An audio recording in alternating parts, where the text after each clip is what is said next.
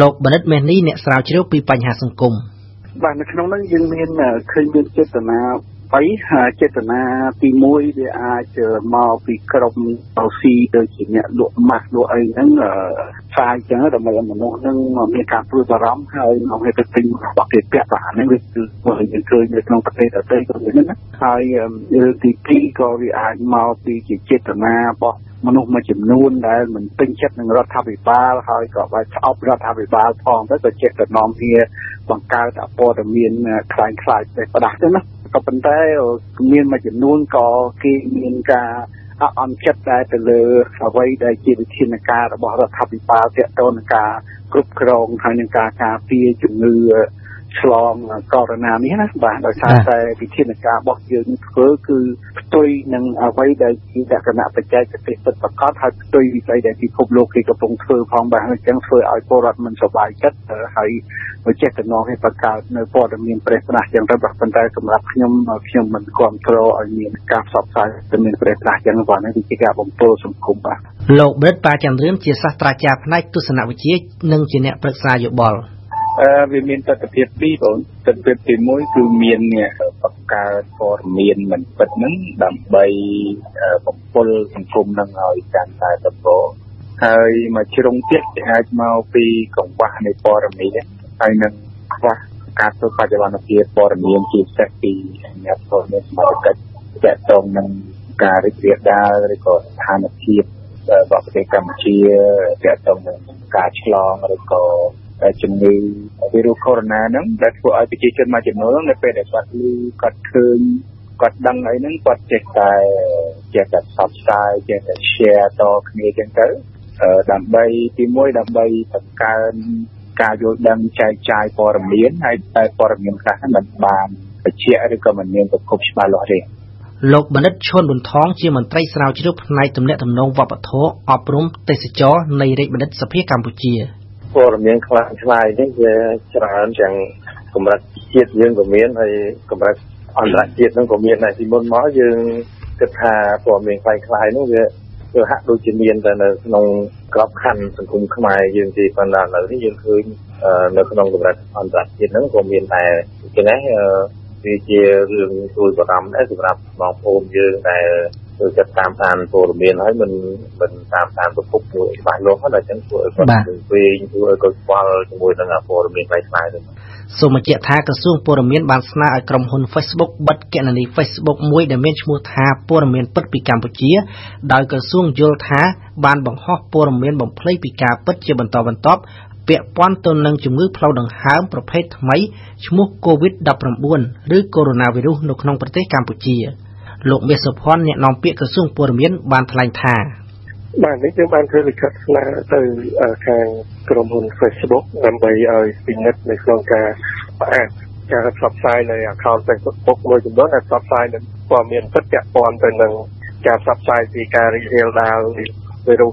COVID-19 ហ្នឹងណាដែលជាព័ត៌មានពិតណា ខាងរដ្ឋាភិបាលយល់ថាហេតុអីបានជាពួកឆ្លៀតឱកាសតាមបណ្ដាញសង្គម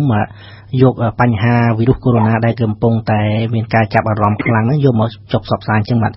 គឺគាត់ចង់បំផុសឲ្យមានចលាចលឲ្យមានការរើសអើងប្រកាន់ពូជសាសន៍អីហ្នឹងដែលវាធ្វើឲ្យប៉ះពាល់ទៅដល់អឺការងារតំណែងតំណងធ្វើឲ្យមានការរើសអើងជាតិសាសន៍ហើយនឹងកណ្ដាលអញ្ចឹងណាលោកបណ្ឌិតបេនី ខ្ញុំគិតថាវាជាការបាញ់ទូមួយបានស្ដាប់ពីនេះពេលណាដែលរដ្ឋាភិបាលបានធ្វើរឿងនេះបានជោគជ័យអាចរដ្ឋាភិបាលថ្ងៃក្រោយនឹងប្រាប់ទៅនៅ Facebook ហើយបាត់រឿងអីផ្សេងទៀតដែលរដ្ឋាភិបាលមិនពេញចិត្តបាទប៉ុន្តែសម្រាប់ខ្ញុំបើសិនជារដ្ឋាភិបាលមានការពិនិត្យវិច័យត្រឹមត្រូវហើយផងថាព័ត៌មានណាជាព័ត៌មានខ្លាំងខ្លាយឲ្យដឹកអានឹងវាជាកត្តាប្រកបសំខាន់សម្រាប់រដ្ឋាភិបាលដើម្បីការពារនៃការវិច័យត្រឹមនឹងការតែបាទប៉ុន្តែបើសិនជាมันមានយុតិធម៌ត្រឹមត្រូវទេវាអាចបាត់ទៅទាំងព័ត៌មាននិងខ្លាំងខ្លាយផងដែលជាសិទ្ធិនៃការបញ្ចេញមតិអភិហោបញ្ជាលើ ជារិះគន់ទៅលើរដ្ឋាភិបាលនៅក្នុងវិធានការនៃការការពារជំងឺចឹងទៅអាហ្នឹងជាការរដ្ឋាភិបាលគាត់ចាត់ថាអាហ្នឹងវាជាផ្នែកមួយនៃការផ្សាយព័ត៌មានពិតអីប៉ុន្តែអានឹងវាទៅវាទៅជានាំរឿងអយុត្តិធម៌នឹងមកសង្គមវិញជាជាងការជួយបិទបាំងនៅការបំពុលសង្គមលោកបណ្ឌិតប៉ាចន្ទរឿនខ្ញុំថាបើសិនជា ព័ត៌មានដែលផ្សព្វផ្សាយដោយ Facebook page ណាមួយនោះវាខុសពីការពិតទាំងស្រុងឬក៏មានការខ្លែងបន្លំខុសពីការពិតការទៅជាឲ្យពិតដូចជាមិនមិនខុសឆ្គងអីទេបាទប៉ុន្តែសូមឲ្យមានការជឿជាក់ឲ្យបានច្បាស់ឲ្យតាមដានប្រភពនៃនៃ Facebook page ហ្នឹងផងណាកុំឲ្យការ បិទឬក៏ប្រើប្រាស់ហេតុផលណាមួយដើម្បីបិទ Facebook ដទៃទៀតដែលតាមតែព្យាយាមផ្ដល់ព័ត៌មានពិតជូនប្រជាជនដែលខ្ញុំគ្រប់គ្រងចំពោះសមត្ថការដែលបិទ Facebook page ឬក៏ Facebook account ដែលតែងតែផ្សព្វផ្សាយព័ត៌មានមិនពិតជាច្រើនដងដែលអាចមានស្រាប់តែនាំអាចដល់ទៅដល់សន្តិសុខក៏ដូចជាសុខភាពរបស់ប្រជាជនលោកបណ្ឌិតឈុនបន្ថង ខ្ញុំថាបិទឬមិនបិទវាអាស្រ័យទៅលើច្បាប់សារព័ត៌មានថាតើច្បាប់សារព័ត៌មានហ្នឹងគេមាននីតិវិធីយ៉ាងម៉េចថាបើសិនជាលើកទី1អឺក្រសួងក៏មានទៅហើយក៏ក្រុមកែលើកទី2ទី3ឬក៏ទៅបិទទៅតាមម៉េចហ្នឹងយើងធ្វើទៅតាមនីតិវិធីតាមជំនាញរបស់ច្បាប់សារព័ត៌មានតែបើសិនជាច្បាប់សារព័ត៌មានហ្នឹងចែកឲ្យយើងធ្វើខុសនីតិវិធីនាំឲ្យអឺគេហៅថាជាគិរិតព័ន្ធហ្នឹងគឺថាមិនសុបាយចិត្តដែរថា ការដំណើរការហ្នឹងធ្វើមិនទៅតាមនីតិវិធីសម្រាប់ខ្ញុំទេខ្ញុំគិតថាវាគួរតែមានជំនាញ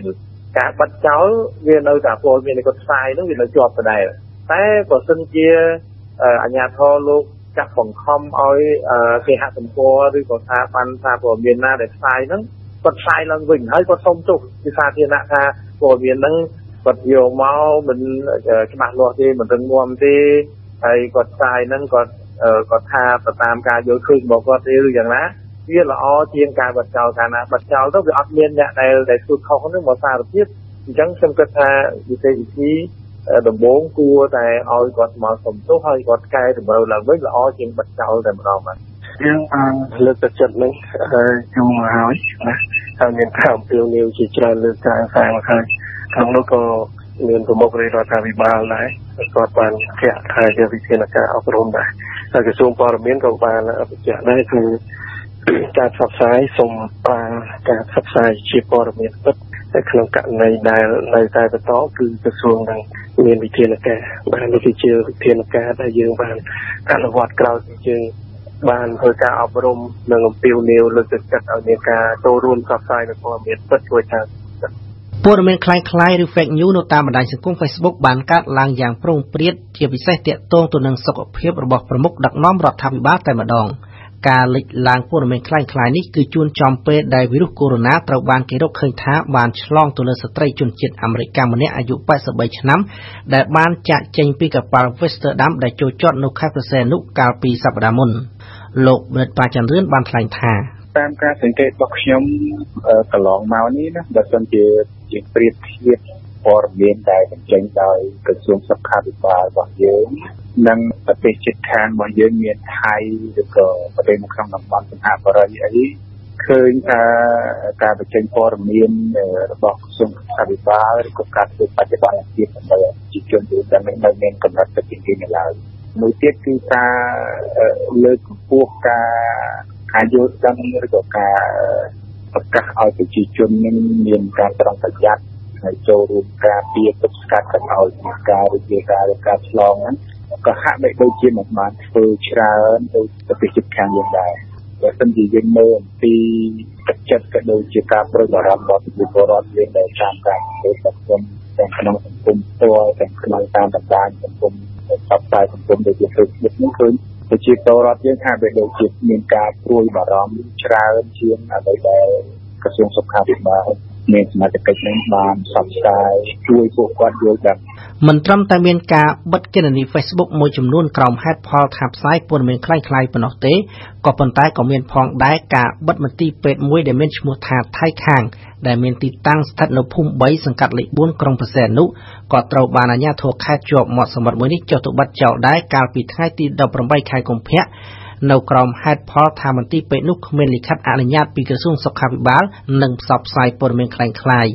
ក៏ប៉ុន្តែគេក៏សម្គាល់ថាការបិទមន្ទីរពេទ្យនេះគឺក្រោយពេលដែលមន្ទីរពេទ្យមួយនេះដាក់ការសង្ស័យថាមានវីរុសកូវីដ -19 កើតឡើងទៅលើជនជាតិចិនម្នាក់បន្ថែមទៀតលោកប៊ិតមេនីយល់ថា បើសិនជាយើងមានព័ត៌មានទឹកប្រកបអ្នកបង្កើតព័ត៌មានខ្លាំងខ្លាយគឺមិនបង្កើតដែរបាទហើយអ្នកអាចធ្វើខ្លះឲ្យសម្រាប់អ្នកខ្លះអញ្ចឹងកាលណាធ្វើថាបើទៅជូនព័ត៌មានមិនទឹកដែរដល់ធ្វើបង្ហាញការទឹកទៅទៅទៅធ្វើហ្នឹងអ្នកអ្នកអ្នកខ្លាំងខ្លាយទៅវិញអានេះអ្នកទឹកខ្លាយទៅជាខ្លាំងខ្លាយឬអ្នកខ្លាំងខ្លាយខ្លាយទៅជាអ្នកអ្នកដែលប្រកាន់ការទឹកវិញអាហ្នឹងវាតទៅជាខ្មៅហ្នឹងមកលើទី4ហ្នឹងចោលឬខ្លួនម្ចាស់ទឹកទឹកណា